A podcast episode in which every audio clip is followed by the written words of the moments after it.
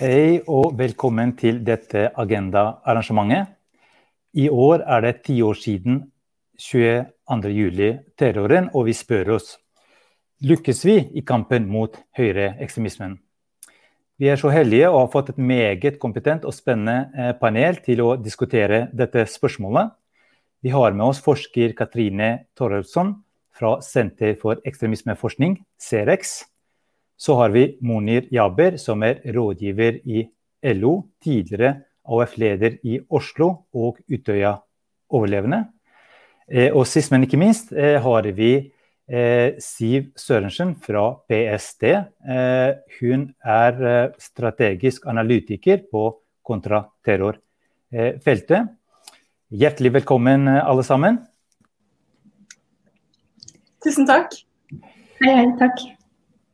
Er alle med? Jeg savner Monir her, men tror at han prøver nå å logge seg på. For jeg tenkte faktisk å begynne med Monir. Ja, der er han. Hei, Monir. Hyggelig å se deg. Hei, hei.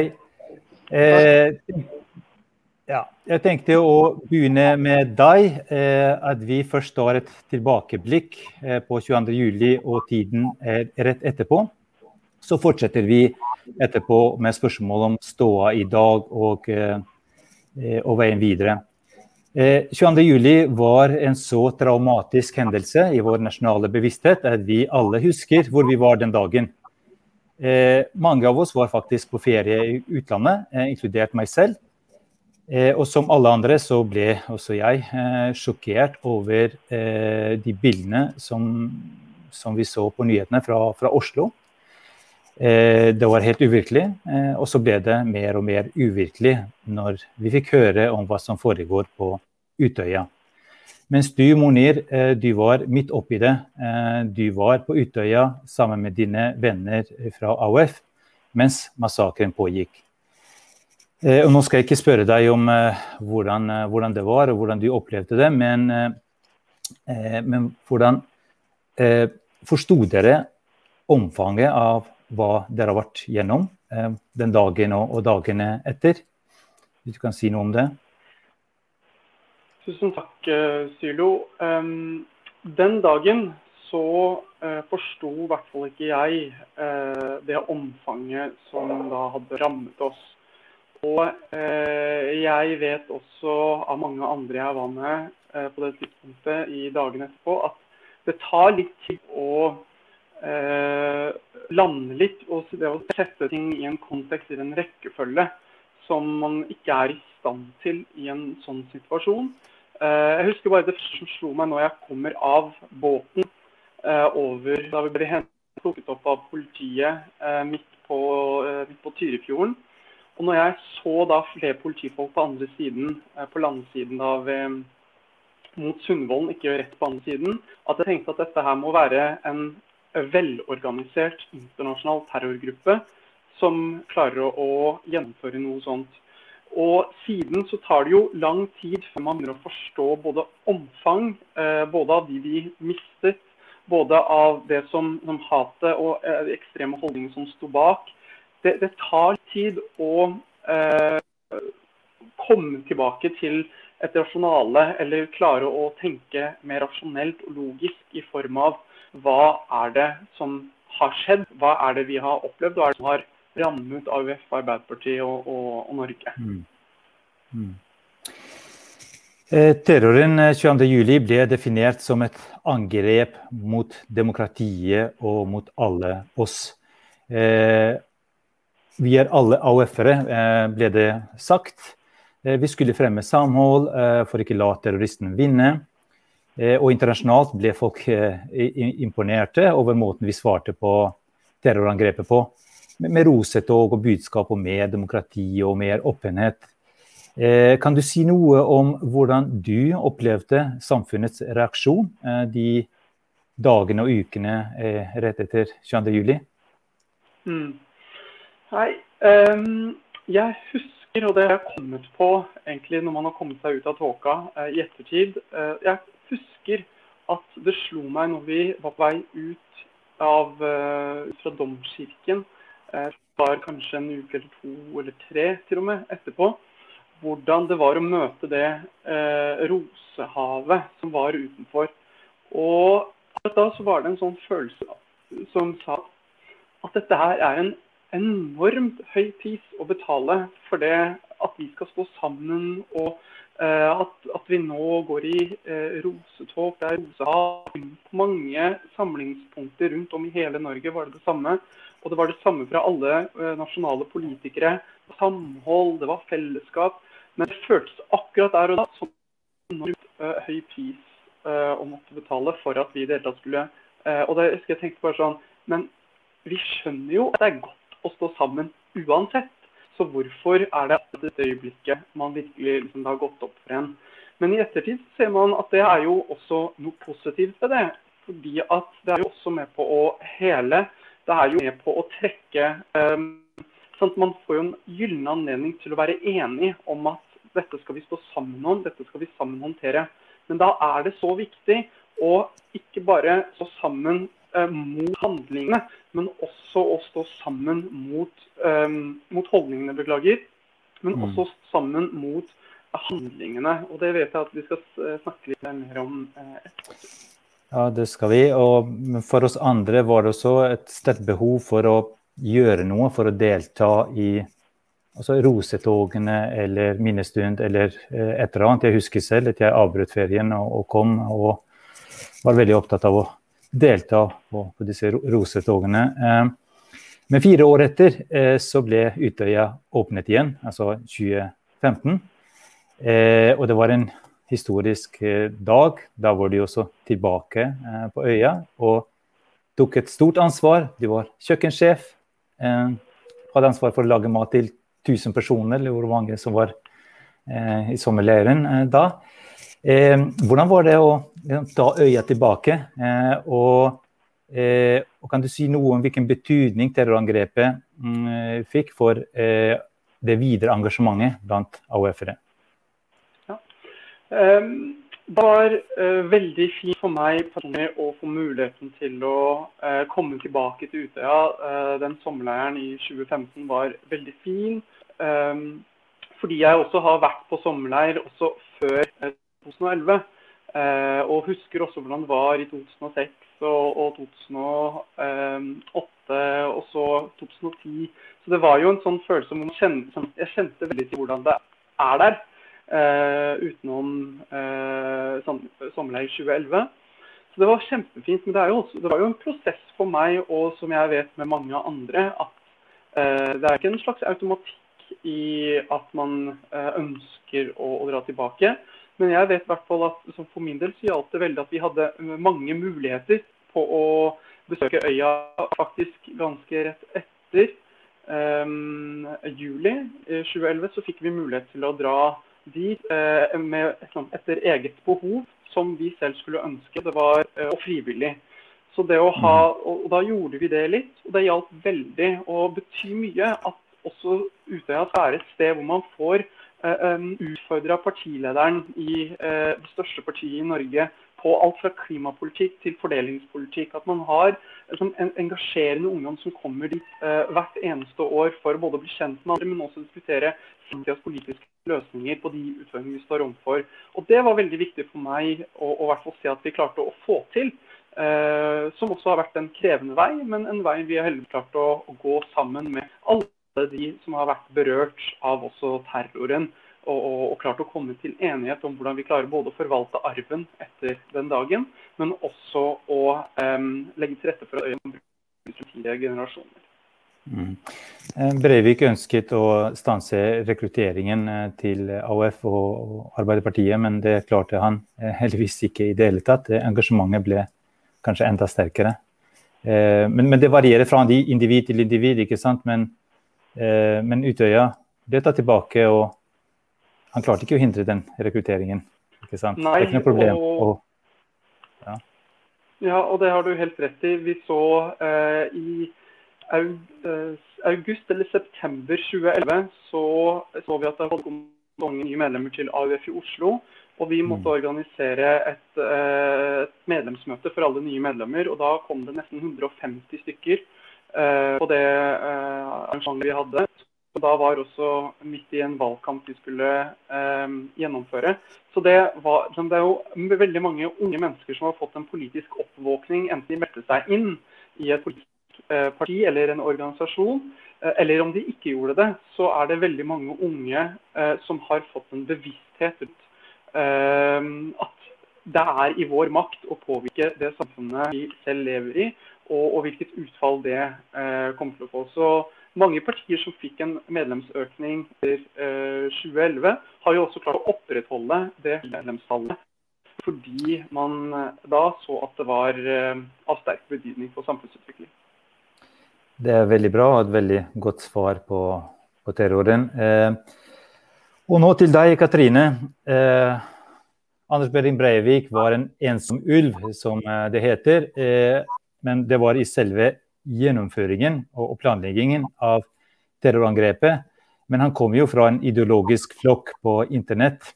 En transnasjonal ideologisk flokk, kan man si. Eh, men den gangen hadde vi veldig, ganske lite kunnskap om disse miljøene. Eh, altså kontrajihadistiske miljøene, som, som man kalte det den gangen.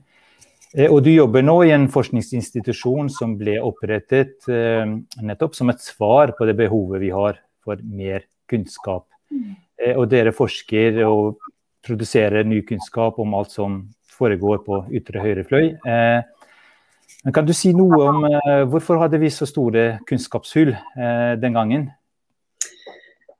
Jeg tror det var jo først og fremst fordi datidens eh, kunnskap om radikalisering og voldelig ekstremisme i Norge, den var jo ganske lokalt forankret, og den var ganske gruppeorientert. Så man hadde mindre kunnskap om enslige aktører uten tilknytning til organiserte miljøer, og som er radikalisert på internett. Så det var eh, en del forskning som hadde hatt et fokus mer på HX, altså høyreekstremisme i Norge, og ikke på globaliseringen av høyreekstrem ideologi og praksis. Og Det var jo på en tid hvor vi kom inn i den digitale tidsalder, og vi også så hvordan eh, 22. juli-terroristen fant meningsfeller på høyreekstreme muslimfiendtlige nettsider, og så tok del i denne transnasjonale utformingen av eh, hatefulle ideologier. Mm. Eh, og til deg nå, Siv fra PST. Etter 22.07 så fikk dere i PST kritikk for å ha fokusert nesten sidig på trusselen fra ekstrem islamisme og neglisjert høyreekstremismen. Eh, kan du si noe om eh, hvordan dere vurderte høyreekstrem, altså trusler fra høyreekstremisme den gangen, og, og, hva som endret seg i, i tiden etter 22.07? Det stemmer som Katrine Thorleifsson sier, at det var et veldig nasjonalt fokus på, på lokale grupper eh, på høyreekstremisme på den tida.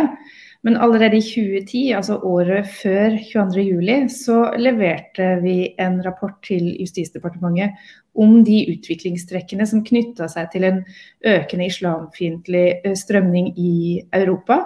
Eh, vi så flere inngripende tiltak mot muslimer i flere europeiske land. og Vi så den fremveksten av eh, English Defence League og, og, og Norwegian Defence League og Siam bl.a. Dette var jo absolutt markører for en endring som vi varslet om på strategisk nivå. Eh, og på alle måter tok på alvor. Men det som er vanskelig, er på en måte å utlede konkrete terrorangrep på bakgrunn av en strategisk situasjonsforståelse. Det vil alltid være krevende, selv i disse dager hvor vi har så stor kunnskap om soloterrorfenomenet, å avdekke og øh, de operative indikatorene på at sånn terrorplanlegging foregår. Men vi har alltid vært bevisst på høyreekstremismen. Den har alltid vært en sentral del av PSTs mandat og vår håndtering. Men du kan si at 22.07 fikk store konsekvenser også for oss i PST. Vi omorganiserte hele tjenesten. Og, og vi har absolutt um, tatt den utfordringen på alvor. Det er bra. Eh, og nå er eh, i deres siste trusselvurdering så er eh, trusselen fra høyreekstrem hold eh, sidestilt med trusselen fra mm. eh, ekstrem islamisme. Selv om det sistnevnte er også litt, litt skjerpet. Det er liksom vanskelig å forstå. Uh, er, det, er, det, fortsatt sånn sidestilt, eller er det større trussel fra den ene vi sier jo fortsatt at det er en, eh, en, eh, mulig at vi vil se terrorangrep fra både ekstreme islamistiske miljøer og fra uh, høyreekstreme miljøer. Og så er det jo nettopp karikaturstriden som kom i fjor høst. Altså en revitalisering knytta til uh, Charlie Hebdo og, og drapet på Samuel Paty i Frankrike som på en måte revitaliserte eh, karikaturstriden til et sånt nivå at vi mente det var egnet til å oppildne eh, eh, sympatisører av ekstrem islamisme. Og, mm. og, sånn er verden for oss i PST. Det vil til enhver tid være drivkrefter på et overordna samfunnsnivå, både her hjemme i Norge, men også i Europa, som gjør at vi må, vi må hele tida finjustere på vår trusselvurdering. Og vi prøver så godt vi kan til enhver tid å være i dialog med samfunnet og fortelle dette er det vi ser nå. Dette tror vi kan ha denne og denne effekten. Både på uh, radikaliserte her i Norge og vi uh, hvordan vi tror bildet vil utvikle seg i Europa. Men det er et krevende stykke arbeid. Eh, det er ikke vanskelig å forstå. Uh, Tilbake til deg, Katrine. 22.07-terroren eh, var på mange måter eh, unik. Eh, både i omfang i Europa og måten det ble gjort på. Men Breivik inspirerte flere andre terrorister i tiden etterpå. Kan du si noe om disse Breivik-inspirerte terrorangrepene andre steder, og utviklingstrekkene på høyreekstremt hold de, det siste ti året. For eh, når vi snakker om høyreekstremisme, så bruker vi det begrepet som et samlebegrep, men det er et ganske komplekst bilde. Det er ganske mange ulike grupperinger og mm. forskjellige eh, ideologier og, og, forskjellige måter å operere på. Så fint hvis du kan gi oss ja. liten oversikt. Ja, nei, Det første høyreekstreme terrorangrepet som var eh, inspirert av Breivik, var jo på femårsdagen for 22.07 i München i 2016, hvor en eh, tysk iraner på 19 år drepte ni stykker før han eh, tok sitt eget liv. Og så på eh, åtte år senere så var det jo angrepet i Christchurch, hvor 51 muslimer ble, ble drept av Tarrant. Og det var et angrep som inspirerte ikke det vi vil si copycats, men andre unge hvite overmaktnasjonalister ble direkte inspirert av, eh, av Tarrant både i USA, i Norge og i Tyskland. Og Spesielt de solaktørene vi så da i 2019, selv om de opererte alene, så er de da delvis radikalisert i digitale subkulturer. Og Hvis vi går tilbake til eh, ABB da, for ti år siden, nå, så vet du at han også delvis lagde en avatar av seg selv hjemme på Eh, gutterommet på eh, Hoff. Han gikk inn i en spillifisert verden. Eh, og han benyttet seg av internett i radikaliseringsprosessen sin. Og På de ti årene nå så ser vi at det har kommet nye plattformer som også eh, gir opphav til nye organisasjoner uten ledere. altså Det er digitale nettverk. Det fungerer mer som eh, digitale hjem, på en måte, og det er en trend vi ser. At det er Eh, radikalisering i digitale subkulturer. Og I motsetning til klassiske høyreekstreme organisasjoner hvor du har en leder, hierarki, manualer, orden. Eh, en, egentlig litt som de militante aktivistene i den nordiske motstandsbevegelsen, så ser du nå en del mer løsdefinere grupper. Eh, som da, eh, hvor du har stor både handlingsrom og kreativitet som individuell, individuell aktivist, samtidig som du kan knytte deg opp til noe større. Du snakker, du snakker om sant? eller kjerngruppene? Ja, men de er litt, litt ufrivillig kapret de siste fem årene av høyreekstreme. Mm. Det, det, jeg har studert, som er et underforum, har jo blitt en samlingsplass for hvite høyreekstreme. Men eh, hvis du går tilbake til 2004, så Chamberlain har vært her lenge, men du har sett nå de siste fem årene en rekke voldelige eskaleringer av internettkultur, både med såkalt akselerasjonsterrorisme begått av enslige aktører, som er inspirert av, av Tarrant, som er inspirert av Breivik. Men også hvis du ser liksom, storming av Kongressen og QAnon-konspirasjonsteorien, som også da ledet til eh, vold i den fysiske verden. Men, ja. Du nevnte dette Ja, OK, bare fortsett. Nei, så det er, eh, Hvis du ser de tre utviklingstrekkene, så er det det at aktivister, høyreekstreme, har gått fra gata til data. Eh, noen har gått tilbake igjen. Antimuslimske aktivister som provoserer med å brenne Koranen f.eks., eller militante revolusjonære i den nordiske motstandsbevegelsen. Eller så har du da disse digitale subkulturene hvor primært unge høyreekstreme holder til i dag. Og Det er interessant at det er de godt voksne som er tilbake på gata, mens de unge er på internett. Eh, disse lukkede internettforaene hvor også de bruker veldig mye med, eh, humor og ironi og sånt. Og ufarliggjør ekstremisme. Eh, ja, det er, det... at det er jo eh, altså, det er jo en motkultur, en, en uh, subkultur, hvor de pakker ha, hatet inn i humor, i memetisk humor. Og du ser også at terrorangrep nå spillifiseres. Og det som skjedde i Christchurch, var jo en livestrømming av massedrap for første gang, som inspirerte da andre til å prøve på det samme. Både Manshaus uh, prøvde bl.a. på det, men fikk det ikke til. Ja, og når du nevner eh, Tarant her, så eh, så drepte han jo muslimer i to forskjellige moskeer i Christchurch. Eh, og det er vanlig blant eh, høyreekstremister å, å ramme gruppene de, de hater mest. Eh, men 22.07 var litt spesiell i den forstand at Breivik rammet Arbeiderpartiet, som han mente var ansvarlig for innvandringen til Norge. Eh, og her er det en Eh, det har sammenheng med, med forræderfortellinger om Arbeiderpartiet, som har en egen historie. Eh, men det ekstremistene er blitt mer opptatt av å liksom ta eh, forrædere nå. Kanskje et spørsmål til Siv fra PST. Hva, hva kjennetegner de høyreekstremistene som er ute etter liksom, eliten og, og, og, de som sturer, fremfor de, de gruppene de hater, som, som jøder og muslimer og sånn? på en måte så er det fortsatt begge deler. Altså Høyreekstremismen har alltid hatt et fokus både på de indre og de ytre fiendene. Hvor de ytre fiendene eh, primært da er jøder, eh, muslimer eller eh, innvandrere. Og så Den indre fienden er da myndighetene og styresmaktene som legger til rette for en sånn eh, eksistensiell trussel mot den hvite kultur og den hvite rase. Men du kan si at et av utviklingstrekkene som vi har sett nå, som Katrine også nevnte, eh, i forbindelse med QAnon-bevegelsen og en del av den, den, antistatlige strømningen som vi ser, er jo at, at uh, man snakker mye mer om forrædere, på sett og vis. Og man ansvarliggjør eh, styresmaktene og fremmer en veldig sterk mistillit til eh, staten, og eh, at staten er mer og mer illegitim. og det, det, På en måte så har det tankegodset alltid ligget i eh, den høyreekstreme ideologien.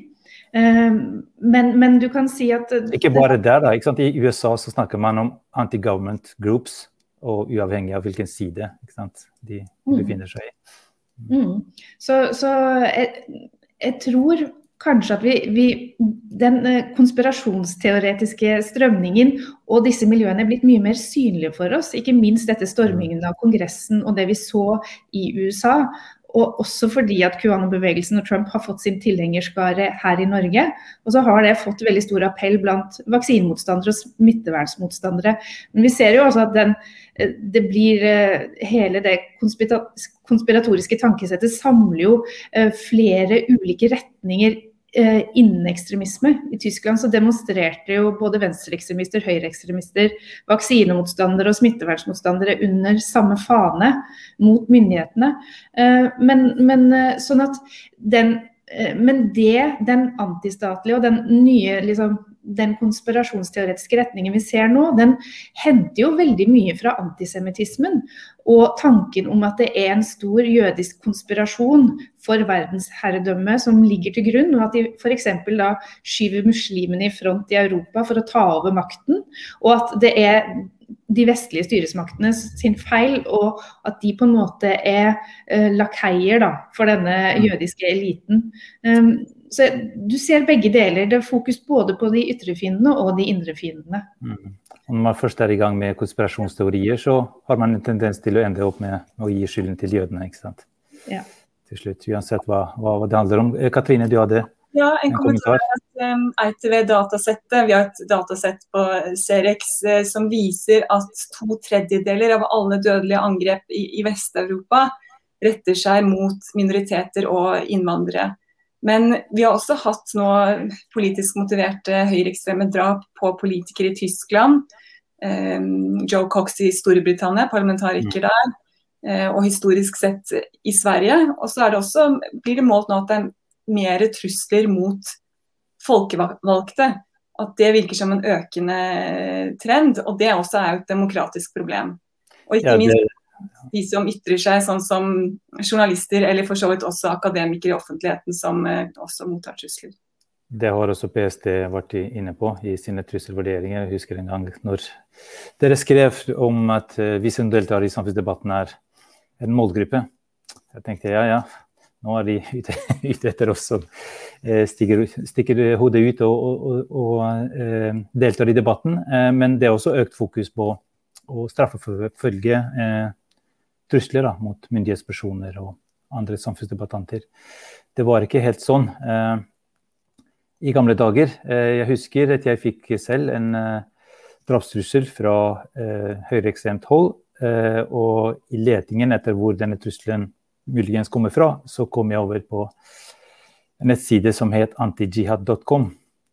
Det var svært svært ekstremt. Jeg har aldri sett mer ekstreme ytringer enn en der. Det var eh, snakk om folkemord mot, uh, mot somalere og veldig mye ekstremt. Og det var også en tråd om, om meg.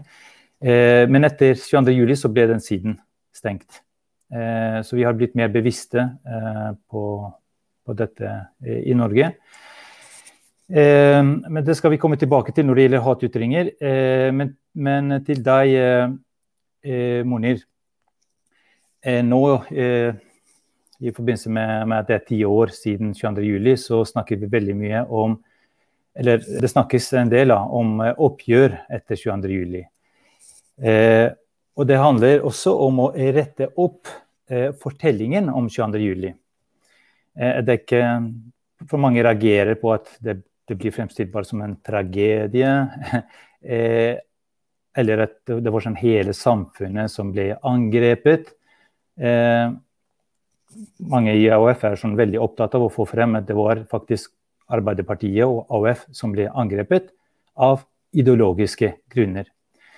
Eh, hvorfor er det viktig å få dette frem? Eh, og kan du si noe om hva du legger i i dette med å ta et oppgjør med 22. juli? Mm.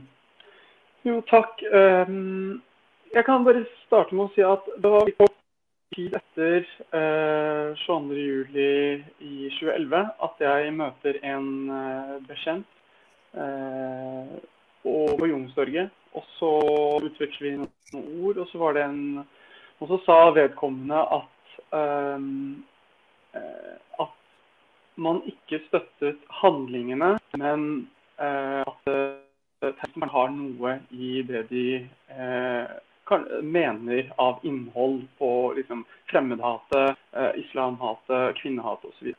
Og jeg husker og, og, hvor, eh, hvor liksom, hardt man får et sånt slag, og eh, man mister pusten litt. men jeg klarte ikke å forholde meg til det der og da. åpenbart. Men så for å trekke liksom parallellen til hvorfor det er viktig å ta et oppgjør Fordi at det har vært så eh, Man, man starta tidlig med å prøve å avpolitisere eh, hendelsen, terror, som terrorangrepet. Og det er med på å eh, ta ut liksom, meningene, de ekstreme meningene og hatet fra liksom, konteksten terrorangrepet. Fordi alle er enig i at vi skal stå sammen, som er kjempefint. Men også stå sammen ikke bare mot det som skjedde av terror den dagen, men også stå sammen mot sånn, hatet og innholdet i det som skjedde. Og et oppgjør uh, er veldig viktig, fordi vi kan ikke bare ha det ene og ikke det andre. At alle uh, som er humanister, åpenbart mener at vold som uh, politisk ytring ikke er akseptabel. Uh, men liksom, når, hvis det er der man er enig, og så er alt annet mulig å, diskutere, og alt annet opp, opp for um, discussion, da begynner vi å eh, miste en slags fellesnevner på at hat og eh, det å oppildne f.eks. menneskegrupper, eh, sette menneskegrupper over hverandre ved å oppfordre til vold og, og, og gjennomføre eh, voldelige aksjoner, der går det en grense. Og Derfor er det viktig at samholdet også viser seg at vi har samme verdigrunnlag i hva vi aksepterer som fellesskap. Og et sånt oppgjør kan, kan f.eks. Uh, uh, være en start med AUF har jo nå uh, foreslått og lansert at man ønsker en, en, uh, granskingskommisjon som ikke bare som den vi hadde med Gjørv-kommisjonen, som ser på hvor mange politihelikoptre vi har, bistandsinstruksen som sier noe om politiet sin måte å snakke sammen på, og øh, osv. Det har vi gått grundig gjennom. Men vi må også gå grundig gjennom hvor, hvordan kunne dette skje. Som, som meningene, det ekstreme, det hatet. Hvordan eh, kunne det skje i Norge? Det å ta en grundig gransking av nettopp det elementet. Fordi kanskje så vil det være sånn at man finner ut Det har jo vært både eh, sånn, Kanskje man finner ut Har vi verktøy i samfunnet vårt til å møte disse typer meningene. Uh, har vi det, så er det veldig bra. Da kan vi fortsette å bruke det. Finner vi ut at, vi har, uh, at det er noen ting vi mangler, så kan vi rette opp i det òg. Og vi kan også se litt på f.eks. om det er kulturelle utfordringer. I, i eksempel, sånn, Politiet har jo fått inn tips om både Breivik og Manshaus på ulike tidspunkt. Men vi har kanskje ikke sett at de tipsene har blitt fulgt opp Eh, på en tilfredsstillende måte. Og Det kan jo være utfordringer, fordi politiet er også uh, mennesker som uh, har meninger om samfunn. Det kan kanskje avgjøre. I tillegg så vil vi kunne se på trengs det mer ressurser. Fordi I dag ser vi som den ene politidistriktet etter det andre hvor man har hatkrimavdelinger som sliter og har ikke ressurser til å, gjennom, til å følge opp både tips de får, men også anmeldelser som kommer inn som knytter seg til eh, hatkriminalitet. Og Da er det jo et poeng sant, når vi ønsker å ta folk som bedriver økonomisk eh, kriminalitet, så ruste opp eh, Økokrim med både krav og ressurser. Eh, det må vi jo også gjøre med hatkrimgrupper rundt om i landet, hvis vi også har som ambisjon å eh, finne mennesker som har hatefulle eh, meninger og holdninger som vi er redde for at kan bli nye terrorangrep fra begge sider. Så er det også et poeng å, å ruste opp disse gruppene. Og så er det en siste poenget, og det er å et politisk oppgjør. Det er sånn at meninger og holdninger er, uh, som er med på å legitimere uh, veldig sant? Man ser bare Jo mer man snakker dårlig om ulike grupper, jo, lenger, jo, jo, uh, jo sterkere ble stigningen i faktisk kriminalitet og vold mot ulike minoriteter. Så dette er en sånn, det er, dette er en vei som må, som må gås på, måte, på, mange forskjellige måter. Vi må tilnærme oss dette mer Eh, eh, med en bredde. Fordi det er ikke bare én enkelt, det er mange måter å, å ta et uh, reelt oppgjør. Ja, du, du, snakker nå om ressurser, om beredskap, om tiltak, om hva bør skje videre for at vi lykkes bedre i kampen mot høyreekstremisme. Men når folk hører ordet oppgjør, så, så, er det mange som reagerer og tenker ja, hvem skal man ta et oppgjør med, hva, hva betyr det? Eh, er ikke det bedre eh, at vi satser på liksom forsoning, eh, og heller enn å gjøre flere ansvarlige enn den ene enkeltpersonen som, var, som begikk da, terrorangrepet 22.07. Hva har du å si til det? Eh, jo, jeg kan jo si at eh, det er jo eh, Når man skal komme seg gjennom en sorgprosess, så er det jo viktig også å måtte ha bearbeidet Eh, den tunge eh, traumen eh, på en god måte. Og det er jo litt det det også handler om. Skal vi, sånn, skal vi sky det å ta et oppgjør fordi det er vondt og vanskelig? Vel, det er det med alle temaer. Vi, vi har til og med til den dag i dag, mange tiår etter andre verdenskrig, så har vi vanskeligheter med å ta oppgjør med visse deler av vår, vår historie knytta til andre verdenskrig. Og, og, og vi må må lære det. Det er tøft, det er vanskelig, men vi trenger det. For, for å dra et eksempel på det å ta et reelt oppgjør. Hvis man ser hvordan vi forholder oss til veldig ganske alvorlige elementer, f.eks. med Sian, som kan stå på debatten og, og snakke om deportasjoner av, av muslimer og navngitte nordmenn. Um, vi har uh, Steve Bannon som blir invitert til en, uh, det som er tilsynelatende en koselig sofaprat. Og du har Resett som inviteres til å diskutere, diskutere på NRK om storming av Kongressen, hvor de faktisk også bidrar med informasjon som er konspiratorisk. Disse elementene viser at vi har dessverre en teoretisk tilnærming til hvor alvorlig det som skjedde 22.07 er. Det er nesten så vi har en, um, en skrivebordstilnærming til det. Det er alvorlig. Vi har erfaringer. Vi trenger ikke å ha en, uh, en øvelse hvor vi, uh, hvor vi ikke uh, har erfaringer eller faktisk traumer om det. Vi vet hva det bidrar til. Og det er nettopp det. Vi får Eh, vi får en sterkere bevissthet kollektivt hvis vi også bruker tid på å se hva som faktisk skjedde med hvilket hat, og at det dessverre rundt om i dag i ulike miljøer, og har eh, økt med, ti, med, med de siste ti åra. Og det er en grunn verdig å ta ja, Vi skal komme tilbake til når det gjelder eh, dette med hvilken plass eh, ekstremistene skal ha i, i den offentlige samtalen. Eh, men bare for å følge opp dette med oppgjør. Til deg, Katrine. Det, det er ulike måter å, å, ta et oppgjør med en vond fortid på. Det er ofte ulike hensyn som gjør seg gjeldende. Myndighetene har, kan, kan ha en interesse av å roe ned situasjonen, hindre en mulig eskalering og, og skape forsoning. Eh, og det er nettopp det eh, Stoltenberg-regjeringen gjorde i, Norge eh, etter 22.07. Eh, det var eh, når terroristene prøver å, å skape splittelser og eh, fremprovosere konflikter, så prøver man å svare gjennom, å, gjennom forsoning og samhold. Eh, Eh, hva er problemet med å individualisere skyldspørsmålet eh, på den måten vi har gjort her eh, i Norge, gjennom å liksom gjøre hele samfunnet og ikke den målgruppen som er rammet, til, til ofre? Du er muta, hvis du kan. Ja. Takk. Det er jo da setningen jeg har hørt mest uh, i år, men uh, det får være.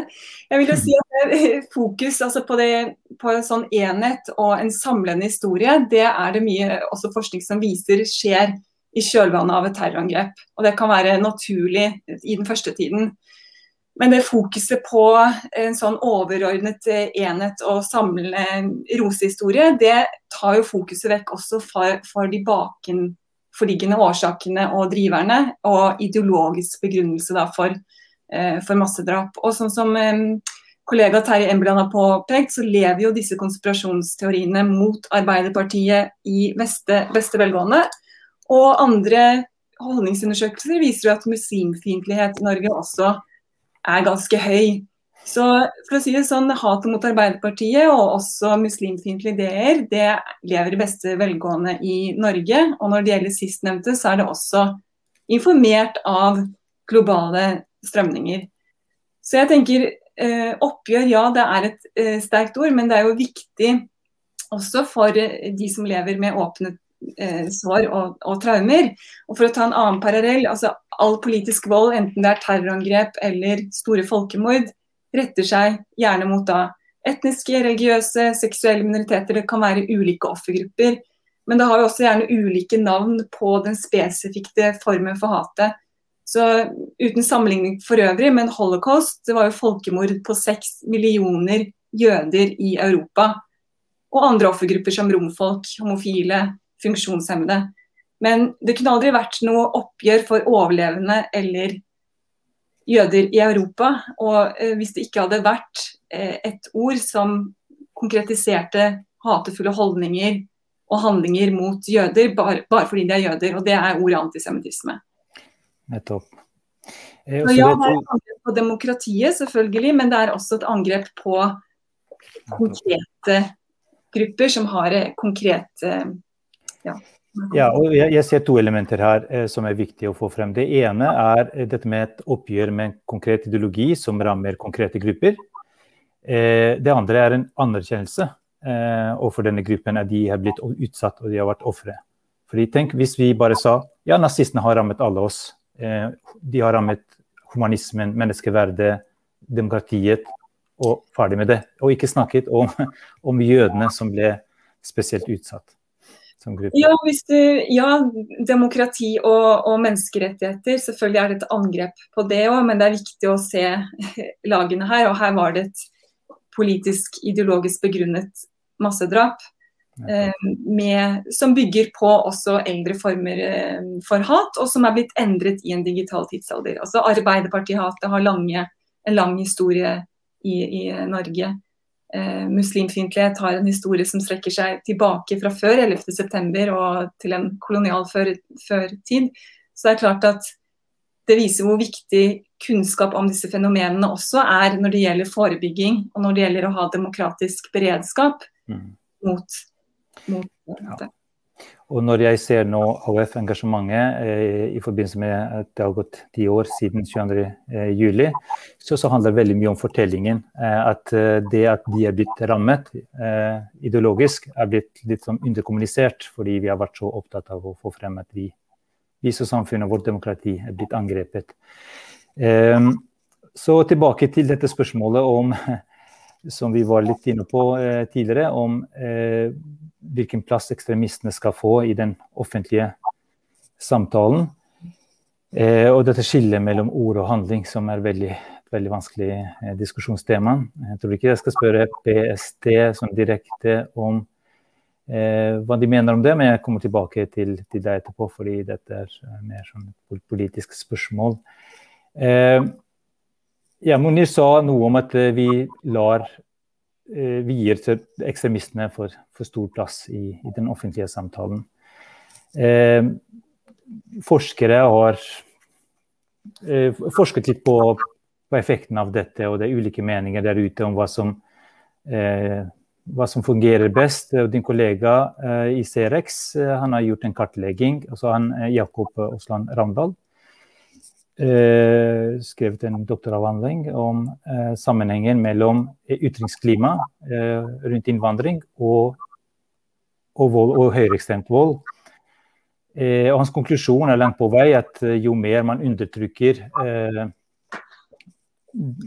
også innvandringsmotstand og sånt, jo mer vold man får tilbake. Men, men han har sett bare på vold og ikke på spredning av hat og sånt.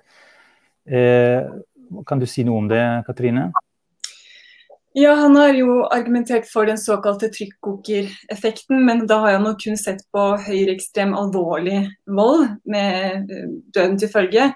Og Vi jo mange andre forskere som ser på hvordan avhumanisering skjer i bilder og ord og, og praksis. Og det som kommer forut før voldsutøvelsen, er jo at du har avhumanisert et annet menneske. Du har gjort det mennesket til et mål for den volden. Og Der har vi sett en bekymringsfull spredning vil jeg si, og økning i sosiale medier tidsalderen. Og vi har sett en viral spredning av veldig dehumaniserende konspirasjonsteorier. Så jeg tenker at det er, er veldig viktig å, å, være bevisst på det. og når det gjelder hvor stor oppmerksomhet skal disse høyreekstreme få, jeg vil si at de som begår, altså de høyreekstreme, i hvert fall terroristene, de er jo avhengig av medieoppmerksomhet fordi de er veldig marginale. Og de fleste høyreekstreme er jo få, få, individer, la oss si aktivister i Sian. De er helt avhengig av å få medieoppmerksomhet for å spre sitt hatefulle budskap. Så det går tilbake til sant, hvor mye eksponering skal de få i media, når skal de bli invitert inn i TV-studiene, hvem er det de målbærer eh, stemmen til, ikke sant. Så det er, ja. Ja, i, i, Norge så har vi eh, strammet litt inn da, etter 22.07, kan man si, på flere eh, områder. Eh, F.eks. Så, så husker jeg hvor mye hat det var i kommentarfeltene til Dagbladet, VG og Aftenposten og sånt. Eh, nå er det mye strengere redigering. Eh, ofte så er det ikke mulighet for, for å kommentere artikler. det er mye, mye, fokus på det i Norge. Og så har vi blitt mer Eller politiet, da.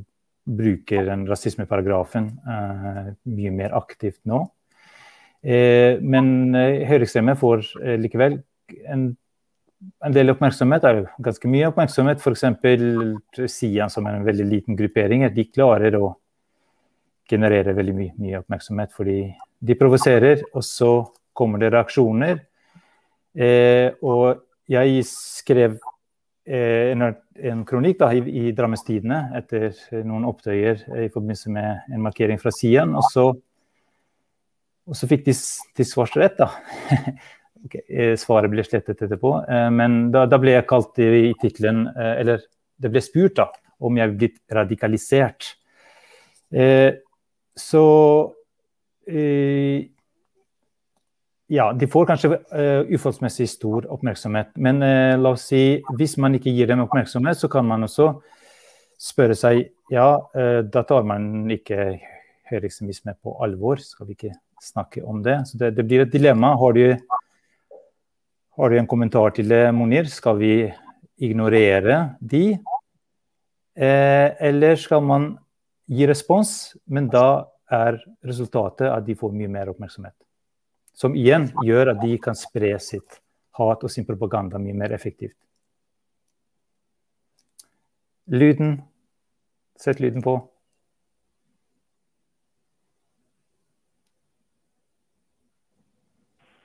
Sånn. Der, ja. Flott. Nei, som du sier, Sylo, det er jo um, det er jo veldig komplekst og krevende å finne ut akkurat uh, hvordan uh, dette her skal gjøres. Men jeg tror bare at selvfølgelig, hvis det er sånn at de møtes, blir tatt på alvor, så må de bli på alvor og avkledd for de meningene man har. Det er jo ingen som sier at man eh, skal late som det ikke finnes. Eh, fordi at eh, det gjør det vet det gjør. Men det er også noen forskjellige gir til å liksom, enten uh, dele uh, sitt uh, tankegods, at man også får gode, grundige og gjennomheva spørsmål og, og, kritikk på uh, det de står for.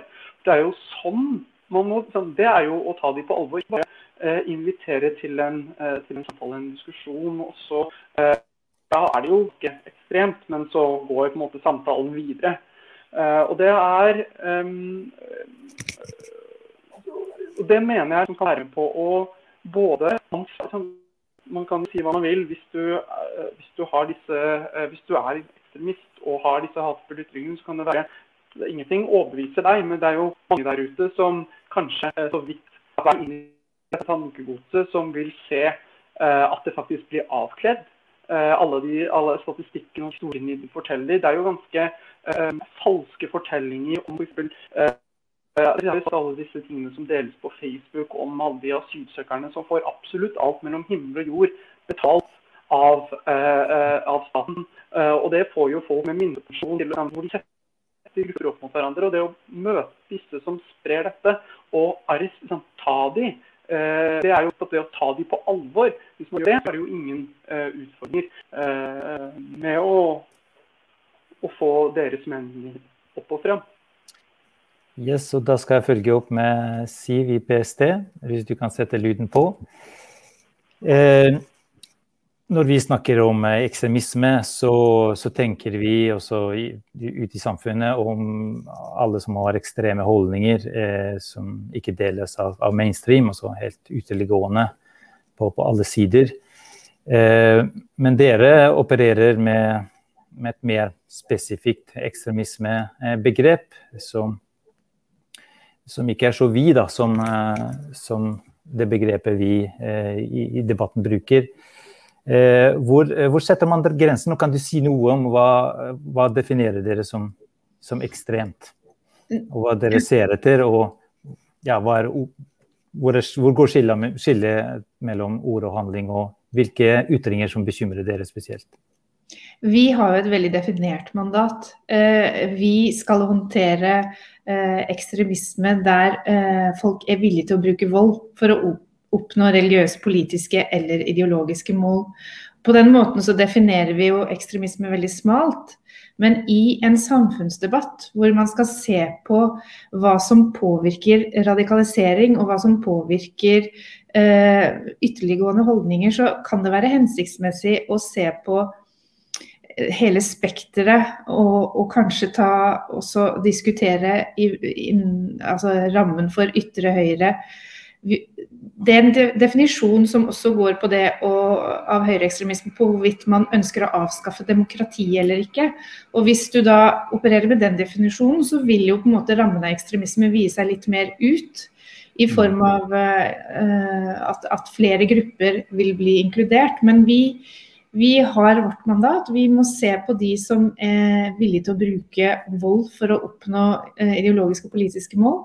Um, det vil si at det er ikke straffbart å ytre, uh, ytre, seg negativt til demokrati eller å være konspirasjonsteoretiker. Det er straffbart å, å, å, forberede terrorhandlinger, men det kan også være straffbart å forsøke å radikalisere andre til å begå terrorhandlinger.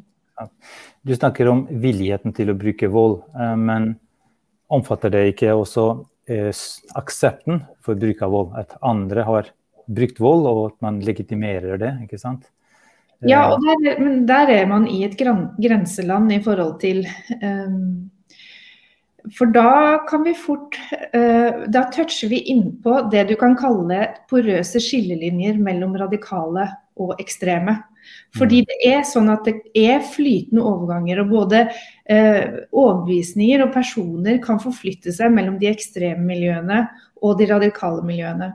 Og Vi ser jo spesielt dette i forhold til det mer antistatlige per i dag. Så ser vi at det har fått eh, At det på en måte inspirerer eh, ganske vidt inn i eh, mer høyreekstreme miljøer også, høyreradikale miljøer.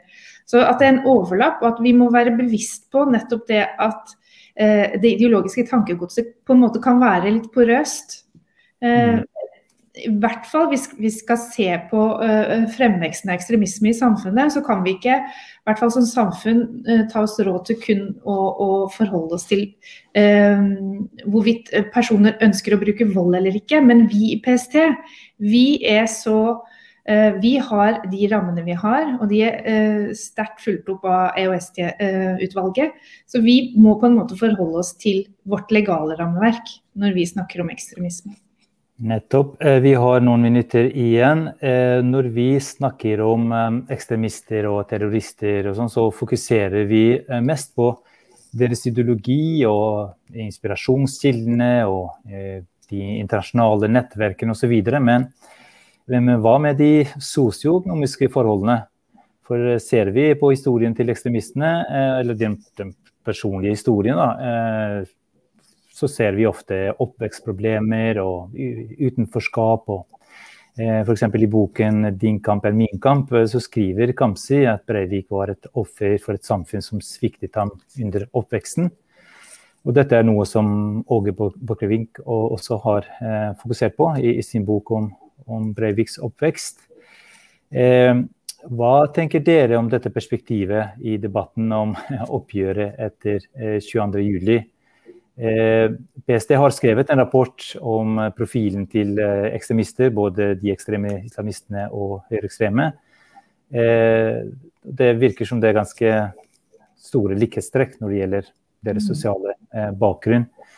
Så kanskje du kan bare si noe veldig kort om det, og så skal vi så kan ja. Katrine og gjøre selvfølgelig opp etterpå. Eh, I radikaliseringsprosjektene våre så har vi jo sett at eh, det er ofte personer med ganske dårlig tilknytning til arbeidslivet. De kan ha falt ut av skolen eller ikke fullført.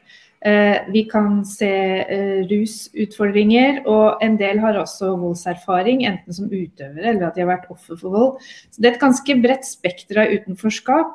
Uh, og det er gjennomgående. Og de vi har i våre registre, og de som vi uh, forholder oss til, er jo personer som vi er redd for uh, er i stand til å bruke vold. Så det, dette er jo en, en, ganske smal portefølje sånn sett. og jeg tror i det øyeblikket man er over på mer eh, høyreradikale eh, miljøer, så, så, vil profilen kunne endre seg noe. Men i hvert fall når det kommer til eh, de mest ekstreme, så snakker vi om personer som har opplevd mye avvisning og tap. Eh, og blant ekstreme islamister f.eks. så har man jo sett at en veldig høy andel av de som blir radikalisert, har mista foreldrene sine i tidlig alder. Og noen ganger åpenbart fordi de kommer fra konfliktområder. Altså at uh, det har vært eh, krig og konflikt i de områdene de flykter fra. Nettopp. Katrine? Lyden. Jeg tenker Det er helt sentralt uh, i årene framover også. Mer kunnskap om de bakenforliggende, for, altså bakenforliggende driverne for radikaliseringsprosesser. Og her er det, Hvis jeg ser på det miljøet som jeg har fokusert på, det digitale subkulturer, så er det jo nå en del forskning som viser at det er erfaring med isolasjon og frustrasjoner i den virkelige verden som gjør at mange trekker inn i en sånn skjermediert digital verden, hvor du får en komfortabel distanse til ting som er vanskelig rundt deg. Eh, og jeg, stor, jeg, tar del i et stort forskningsprosjekt hvor vi ser på hva som driver både unge radikale islamister og unge høyreradikale mellom 18 og 25 i Danmark, Norge, Storbritannia og Nederland. Og Da ser vi på mange faktorer, inkludert eh, sosioøkonomisk utenforskap, men også mentale utfordringer, eh, psykososiale, emosjonelle osv. Så, videre. så vi har mange ulike indikatorer. Så det Nettopp. Til deg, Monir. Sosiale forhold og ekstremisme. Veldig kort. Ja, um ja, kort. Nei, det er jo uh, ganske tydelig som det blir sagt her at sosioøkonomisk bakgrunn har mye å si. Man jo bestemmer seg at uh, hvis man kommer fra som, uh, familie hvor, som er stabil, hvor man føler å ha mestring i skolen og, og muligheten til å fullføre, og dermed studerer eller er i jobb, så er jo muligheten eller behovet for å sjansene eller anledningene for å ha utenfor blir færre og færre jo bedre du går på alle disse parameterne. Så er det selvsagt også at uh, det, kan, det kan skje hvem som helst. Jeg har jo sett uavhengig av bakgrunn uh, og, og, økonomisk situasjon, så vil noen mennesker fortsatt ty til ekstremisme og, og, og, terror. Men det store og hele, hvis vi klarer å bygge et godt nok samfunn, velferdsstat og om bedre skole, et mer inkluderende arbeidsliv, så vil vi ta ikke bare liksom, ekstremisme og radikalisering, men vi vil også ta mange andre utfordringer kriminalitet og vold eh, og andre samfunnsutfordringer. Så eh, sosioøkonomisk bakgrunn, det å alle, sørge for at de fleste, eh, alle i Norge skal ha god mulighet til å gjennomføre og leve et godt liv, det er det beste motmiddelet mot alle typer utfordringer. Yes, og eh, når det gjelder eh, holdninger, så viser jo holdningsundersøkelsene eh, i, i, Norge da, at, vi, altså at nordmenn flest blir mer positive til innvandrere og mangfold. Eh, så toleransen og, eller holdningene blir mer positive til uh, ulike minoritetsgrupper og jøder og homofile osv. Og, så eh, og ekstremistene er ganske få. Ehm, så hvordan ser dere på utviklingen videre? Så vi har i hvert fall lykkes med noe når, når vi ser at de fleste av oss da beveger oss i, i, riktig retning. Hvem har lyst til å begynne? Katrine?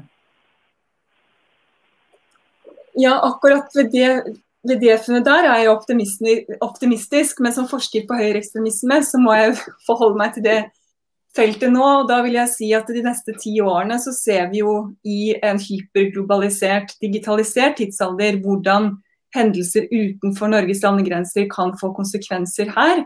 Og også disse mer transnasjonale digitale subkulturene som kan gi grobunn for konspirasjonsteorier som også kan destabilisere norske demokratiske institusjoner og normer.